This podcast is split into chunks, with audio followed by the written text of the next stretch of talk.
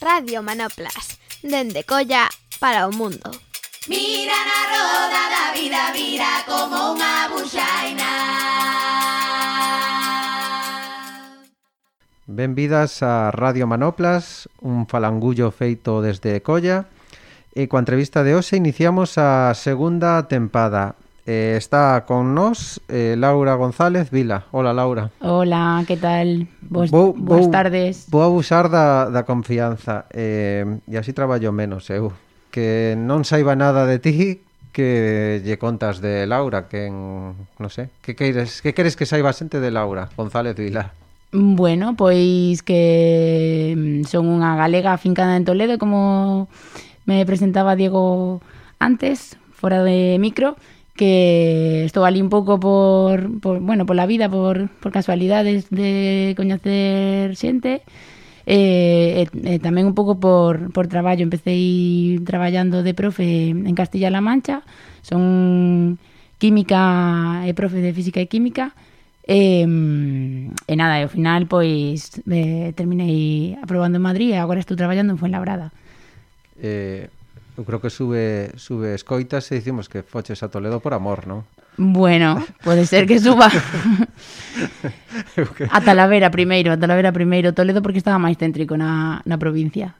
Eso, que che, chegaches a, a Castela vivindo en Talavera, non? Sí, iso é importante dicilo, eh? porque en Talavera en Toledo hai un, así unha unha rivalidade tipo Vigo-Coruña. E ti te, ti te foches a, a, o bando que o, o bo o malo? Cal... Bueno, tíveme que eh, desplazar a Toledo porque estaba máis céntrico na provincia por cuestións de desplazamentos para os diferentes institutos que me iban mandando cada ano que estiven dez anos casi de, de interina eh, pero que a miña parella é de Talavera, claro entón, bueno, eh, a pesar del estamos en Toledo pero estamos a gusto Eh, eso, creo que non o diseches, estás traballando en na comunidade de Madrid, en Fuenlabrada, ¿no? Este curso anterior cando menos, non? Sí, levo 4 anos xa en Fuenlabrada, o que pasa que entre pandemias, eh, baixas maternais e eh, e demais, pois si, sí, xa se, eh, é o, o centro onde máis tempo prolonguei a miña estancia.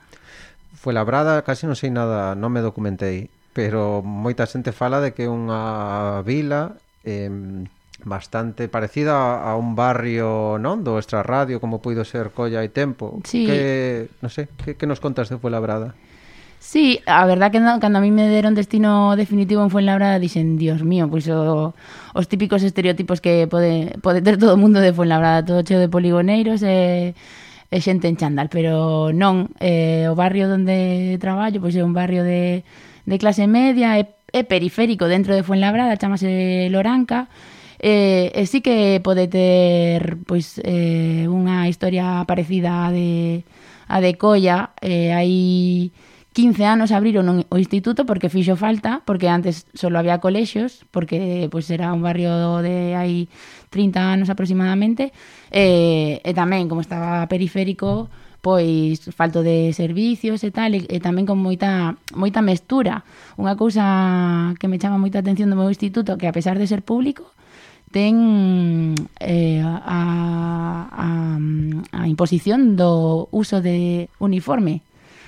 Os, os alumnos de primeiro, segundo e terceiro da ESO levan uniforme escolar porque ao principio do, do instituto había moita mestura de, de alumnos, había vivendas de Realoxo e tamén pois, pois chaletes onde vivían xente moi pudiente. Entón, para que non se diferenciaran tanto os alumnos pola roupa, impuxeron o uso do uniforme. Xa xa parece que non é tan necesario porque xa se foron igualando un pouco os niveis e, e parece que este ano vais a votar outra vez en, en Consello Escolar.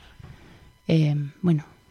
Pero a razón era que as diferencias de clases. É un centro que conviven non? diferentes clases sociais e a sí. roupa era un, un elemento que xeraba... Nos, seu, nos seus orixes, eu cando cheguei xa chocaba un pouco, pero nos seus orixes a decisión de, do uso do uniforme parece que viu por aí. Eh, eso, vives en Toledo, traballas en Fuenlabrada, tes que facer todos os días que? 50 minutos ou tres cuartos de horas de coche, non? Sí, de un lado bueno, para 40 outro. minutos a, a, a maioría das veces cando non pillamos atasco. Volvendo ao inicio, foches a, a Toledo, antes a Talavera por, por amor e por polo sí. mundo laboral tamén. Eh, como vives eh, eso, pasar tanto tempo na estrada, desplazamentos, como estar traballando nun lugar que no que tes a, supoño que moitos vínculos como é Toledo, pero no que en Vigo tamén segues a ter, eh, non? E tes moitos vínculos, como vives esa relación do laboral coa vida, non sei, cos afectos, co Eh, bueno, eh, por ir centrando eh, o tema do coche, a verdad que xa entre unhas cousas e outras levo 13, 14 anos collendo collendo coche, bueno, así con diferentes o sea, con intermitencias polo medio, pero sí 14 anos de coche, entón sí, a verdad que sí que se me cansa un pouquiño. Sí que me gustaría ir andando a traballar, bueno, en bicicleta, ese sería o meu soño ir en bicicleta. Pero pero bueno, eh, eu creo que está está pronto a posibilidade de de cambio. Eh, a cousa de, de estar lonxe de, de Galicia, de Vigo, Pois eh, é unha situación extraña, eu viña pensando agora porque sabía que me vas a preguntar. Eh, eh, a verdade é que, bueno, que cando marchei pensaba que iba a ser moi temporal, que pronto volvería, Pero claro, cando marchas eh, non sabes o que vai pasar no sitio onde chegas, entón vas, vas eh, creando tribu, vas creando familia que non te salí eh, e agora eh, sería complicado, porque os primeiros que non queren marchar dali son os meus fillos, que son os que din, non, eh, como vou deixar o meu colexo, como vou deixar os meus amigos, e eu, eh, nós tamén os sentimos así. Entón, bueno, a vida é moi longa, estamos ben.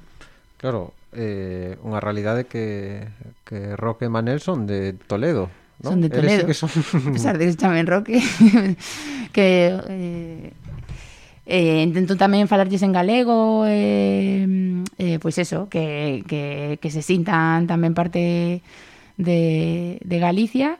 Pero bueno, tamén é certo que escoitar é unha cousa e ler é outra, por exemplo regaláronlle o libro dos, dos mini mortos eh, leuno en castelán e encantoulle. E sin embargo, cando viu en galego dixo, ui, pero este está en galego digo, pero non, en, non pasa nada Son... E, e para eles eh, a lingua materna, non? Nunca mellor dito que a unha das que manesas ti eh, como a viven antes me falabas fora de micro que eso, intentas falar en galego ás veces con eles como, mm. bueno, acabas de contar algo pero como toman eles esa convivencia con varias linguas eh, cando veñen aquí Mm, mm, mm, eles sempre contestan en castelán, non consigo que contesten en galego. Teño amigos ali que son os dous galego falantes, que sí que os seus fillos eh, teñen plenamente as, a, todas as competencias en galego e en castelán, pero claro, na miña, no meu caso como o seu pai é, pois eso, eh, castelán falante e eu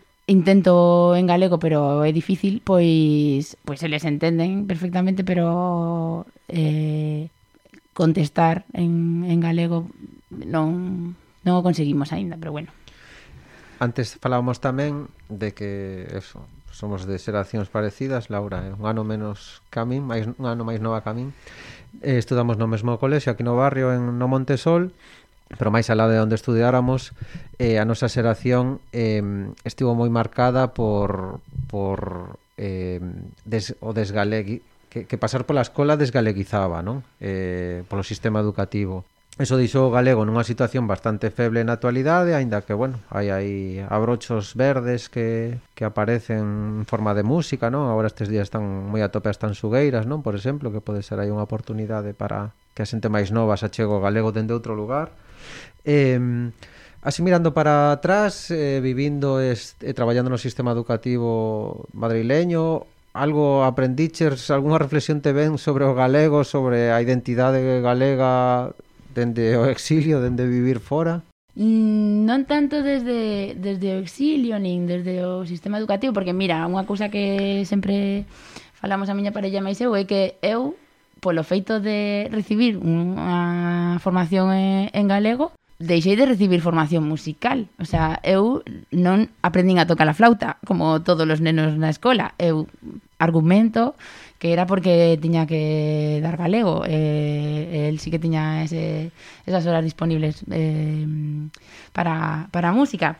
Pero eu sí que, sí que sentín máis eh, a cousa de que os adultos pensaban que o galego era para os maiores, non para os nenos, non? Eu Toda a vida escoitei os meus pais falando en galego entre sí, falando cos meus avós en galego, pero cando falaban connosco, en castelán. E, e, e, e despois cos meus fillos igual. Eu lles falo en galego, intento, e cando veñen aquí, que lle, seguí falándolles en galego, claro, e sin embargo eles, é que non, o sea, non o poden evitar, non o poden evitar. Teñen eso metido na cabeza, eso, non? Eu acórdome cando non me explicaron no instituto, o sentimento ese de autovergonza, ¿no? Autovergonza do, do galego que non os sinten os cataláns, nin os sinten os os, os vascos. E entón iso eh, dame moita rabia e eh, moita e moita pena, pero non sei como se pode iso cambiar, a verdad. Pe pero que sigue estando aí, non digo sendo que algo moi Na pega... miña familia desde logo. No, é algo moi pegañento incluso para, non, para para ser acción como a nós que, que lle damos valor aínda que non nos criamos eh, en, en galego ou nos criamos con esas sí, sí, sí. con eses sesgos eh, segue sendo algo polo momento bastante difícil de, de erradicar non? como mm. que hmm. está moi nos atravesa moito esa, non? ese autoodio como dis ti sí. Sí, eh, sí. pasando aí de cambiando de tema Cambiando Pensaba, de tercio. cambiando de tercio, estaba pensando, vindo para aquí, que eso, que me prestaba eh, falar contigo que asento escoitara, porque no inicio do, do podcast do Falangullo eh, eh, está posto como que son entrevistas con persoas inspiradoras ou interesantes sí, ou, iso era unha cousa que lle viña eu dando voltas á cabeza. ou con inquedanzas. Eh, antes sempre gaches unha palabra que era de tribo eh, ti eres unha persoa que dende sempre como que mm, unha persoa social que mm, participa de moitas cousas. Eu teño aquí anotado que estiveches en Bolivia un, no, unhas semanas hai tempo que fixeches teatro que tamén fixeches varios podcast que estás ou estabas nun grupo de consumo ali en, en Toledo. Sí.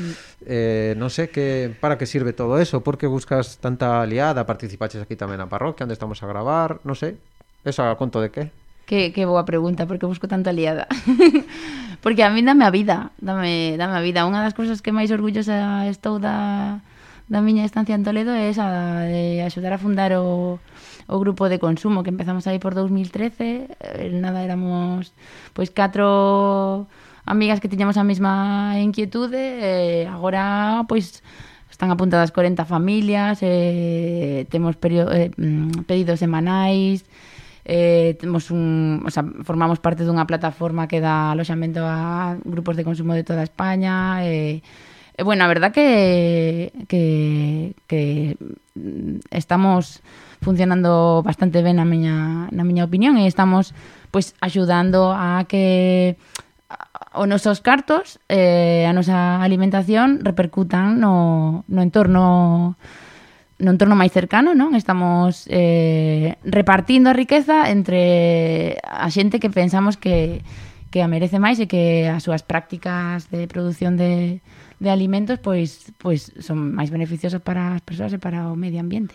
E para que non saiba que é un grupo de consumo, podes explicar así en qué consiste no día a día, una, semanalmente participar?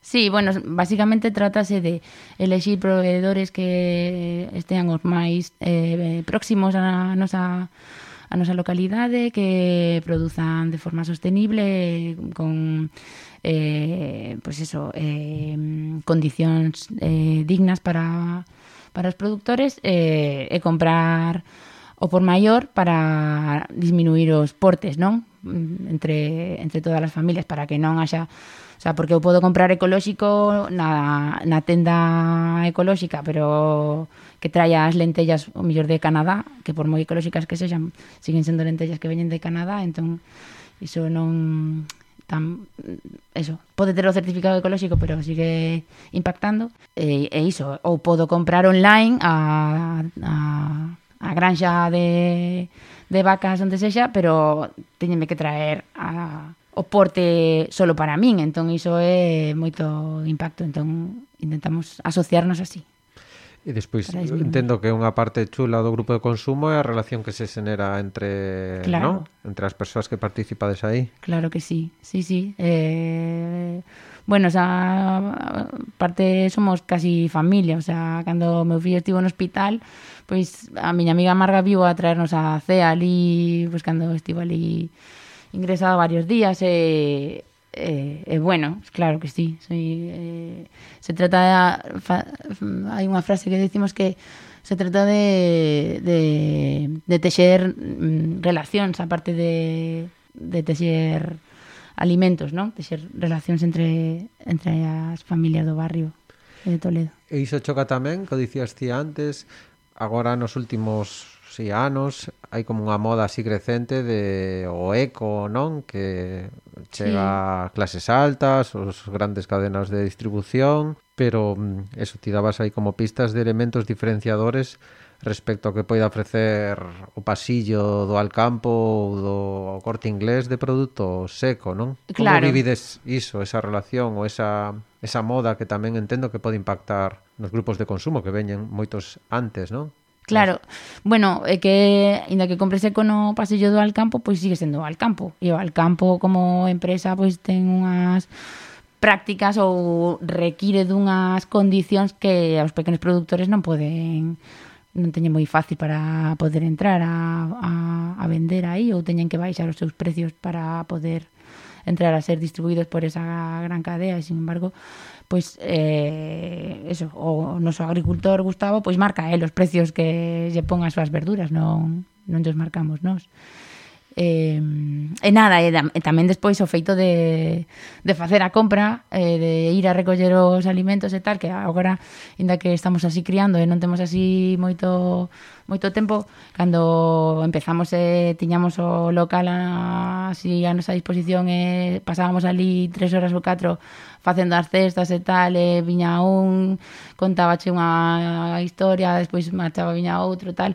Eh, así así fixemos eh, as nosas as nosas relacións e eh, e agora pois así participamos cada un da, dos diferentes proxectos en que está cada un, pois, pues, hai un, eh, un dos membros do grupo que, bueno, está xubilado xa e eh, fai moitas visitas aos campos de refugiados en Grecia, despois el pois eh, intenta recaudar cartos para axudar a estas a estas ONGs coas que colabora él. E bueno, eso, así va, vamos enriquecéndonos así entre todos. Eh, comentaba antes na, na presentación que antes desta moda dos podcasts ti xa facías eh, radio en unha, unha radio comunitaria que se chama Onda Polígono, non? Eh, os títulos me flipan do, dos programas que participaches. Eh, Nadie es cualquiera, eh, Paciencia la nuestra e outro universo petaceta. Eh, me vou quedar con paciencia la nuestra que ten que ver tamén co que te dedicas eh, sí. de que ia ese programa que facías, por que entras tamén a facer a, a, na radio, por que entras neste mundo? Bueno, eh, iso foi o primeiro de chegar a, a Toledo. Coñecimos a, a Noamán, que era un, un faranduleiro de, de Toledo que facía teatro, era o noso profe de teatro, e el tiña un programa eh, nesa radio comunitaria que foi tamén un elemento moi importante na fundación do, do barrio do polígono onde comezamos a vivir eh, que tamén ten moitas similitudes co, co barrio de Colla.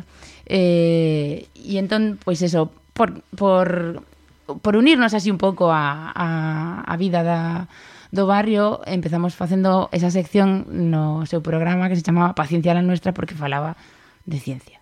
Eh, nada, así contábamos eh, curiosidades de divulgación científica. Y eh, eso pasados moito tempo que te dedicas aí ao mundo da docencia, hai algo que te servira deses programas para levar as aulas na actualidade, hai algo que que rescates daquelas daquelas daqueles Eh, programas. no, a verdad que xusto en concreto para, para levar as aulas mm, non me Digo, porque ás veces a ciencia pode ser algo eu creo que nos últimos anos avanzou moito de, de contar a ciencia de outros modos, non? Hai moitas divulgadores e divulgadores, pero para moita xente falar de ciencia, decir de física, de química ou uh de bioloxía é un tostón. Xa. Non, ti eres consciente como profe de que tes que pelesar con iso diante de algún alumnado, non de todo, pero que non sei que estrategias xeneras, digo que ese programa tamén tiña que ver con contar a ciencia, entendo dende un lugar máis amigable, non? Ou, ou máis atractivo. Sí, igual rescato máis eh, o que aprendín no, no teatro, non? Eh, porque ao final cada, cada vez que te pos diante de, de 30 alumnos a contarlles unha historia, eh, tens que facer un pouco de showman, non? Eh, eh, bueno, eh, eh, as ferramentas que che permite eh, o, o mundo do teatro e o mundo da radio tamén, porque mm, ao final a improvisación é eh, unha das cousas máis eh, útiles que, que fixen foi un, un taller de improvisación, un teatro foro tamén, eh,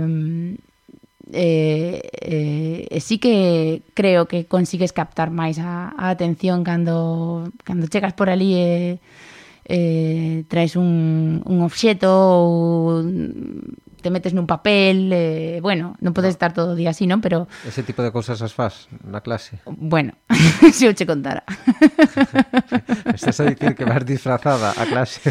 No, non disfrazada tampouco, pero pero sí que faz un pouco un papel, non? Faz un pouco un papel. Eh, eh, que isto é de, de profesional. Por ir pechando a, a, a entrevista, volvo inicio, e que, eu creo que isto dá seguidores, das coitas. Sí. Eh, eh, Vas a volver co tema do amor. claro, o amor comezou no, no, no campamento, no? No, no mundo do tempo libre. Eu penso moitas veces que tamén Ti e máis eu coincidimos moitísimas veces en campamentos de monitores tamén de, de enanos. Tamén eu creo que esa aprendizaxe que tivemos sendo tan novos a cargo de, eh, non, de enanos e, e tamén de toda esa estrategia que conleva preparar un campamento, que organizalo, planificalo, organizar tempos, non, adaptar as actividades aos nenos, polo menos eu no meu caso penso que é de moitísima utilidade cando tamén me, me poño diante da, da rapazada e tamén concordo contigo na historia de, de que dar clase ten moito que ver con a actuación, non? Con a posta en escena de diso. Ti, co tema dos campamentos, que tamén estiveches moitísimos bueno, tes moitas horas de vuelo por aí, hai algo que, que tamén Claro que sí. Ou... Eu eh, utilicei moitas das dinámicas que aprendín aquí, utilicei nas, sobre todo nas tutorías, porque cando tens que dar contido, pois te quedas un pouco limitado de, de tempo, pero sobre, nas tutorías sí que utilicei moitas das dinámicas que, que aprendí no, aquí na, na parroquia e, e, no, e nos campamentos. Eh, bueno, é unha das cousas que, que, que máis coinc... o sea, que, que máis eh, me pon en común con outras persoas. Por exemplo, unha das profesoras que chegou no ao meu departamento tamén ven do mundo do, do tempo libre. E, e cando souben, eh, propuxenlle imos facer unha gamificación para este ano para para facer as prácticas de segundo da ESO que non sexan só ir ao laboratorio, sino que sexan, pois, hai que arranxar a nave espacial do extraterrestre que chegou aquí, que aterrizou aí no, no na xunta de distrito e tal E, e ela entendeume perfectamente e é difícil. É difícil que alguén no mundo da educación veña tamén da edu mm, alguén da educación formal veña tamén da educación informal e cando a topas é como un, un brillante eh, e cando tes alguén afín a ti eh, é cando se pode intentar cambiar algo na educación? Porque desde o meu punto de vista hai unhas inercias aí dentro de, deses estamentos que a pesar de que ti teñas toda a ilusión e todas as ganas e todas as propostas para para intentar acercar a ciencia e contala de outra maneira, mm, hai unha roda, unha, un motor aí tan potente que custa moito cambiarlle o eixo e, e facela así de outra maneira, non? Pero iso, eh, falando do que ti dicías, sí que coincido moito contigo en que o mundo do tempo libre eh, todos os profes deberían pasar en, en algún momento polo, polo mundo do tempo libre eu creo que, bueno, non sei se terían, pero a verdade é que aprendizaxes eh, atopamos, e incluso xente que non se dedica á docencia, pero que coñecemos que tamén participou aquí con nós, eu creo que algunha vez sí que pon en valor que esas experiencias lle son moi de utilidade para o mercado, non? Para o mundo laboral, porque traballar en equipo algo que si ou si case toca sempre, non? Que ter unhas dinámicas de relación coas persoas no? Un plano de persoa, mm. de, de, de tratalas como, como persoas mm. con, con cariño, atendendo máis que non son só instrumentos que traballan con nós, senón que tamén teñen vida, se algo que eu creo que sí que podemos botando a vista atrás que ao final o mercado eso lle sirve, lle é moi útil e a nós tamén que por desgracia Mm, temos que pasar por aí para poder pagar facturas e comer, tamén nos é moi útil e creo que notamos e tamén eu concordo contigo que percibimos cando topamos alguén que, non, que ten experiencias semellantes e que fala, non, o que se relaciona dende dende aí. Hmm. Eh, creo que senón non pagan máis, hai que ir cortando e isto sempre remata, da igual que sexa a primeira que segunda tempada, aquí non imos innovar polo momento. Eh, te pido que nos digas unha canción coa que queres que a xente que nos escoita e remate remate isto. Isto foi unha pregunta moi difícil que estiven aí pensando arduamente, ao final creo que eh, tampouco vou innovar.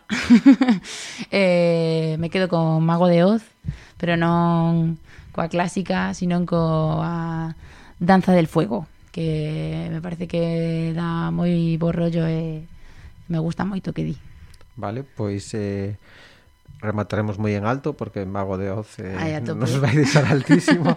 eh, nada, moitas gracias Laura por estes gracias 25 minutos. Eh, nada, seguimos nos vendo. Ata logo. Gracias, chao, chao.